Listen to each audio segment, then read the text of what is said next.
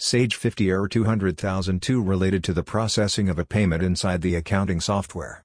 At the of using third-party payment processing service. Read the complete article and follow the given instructions to fix this issue as soon as possible.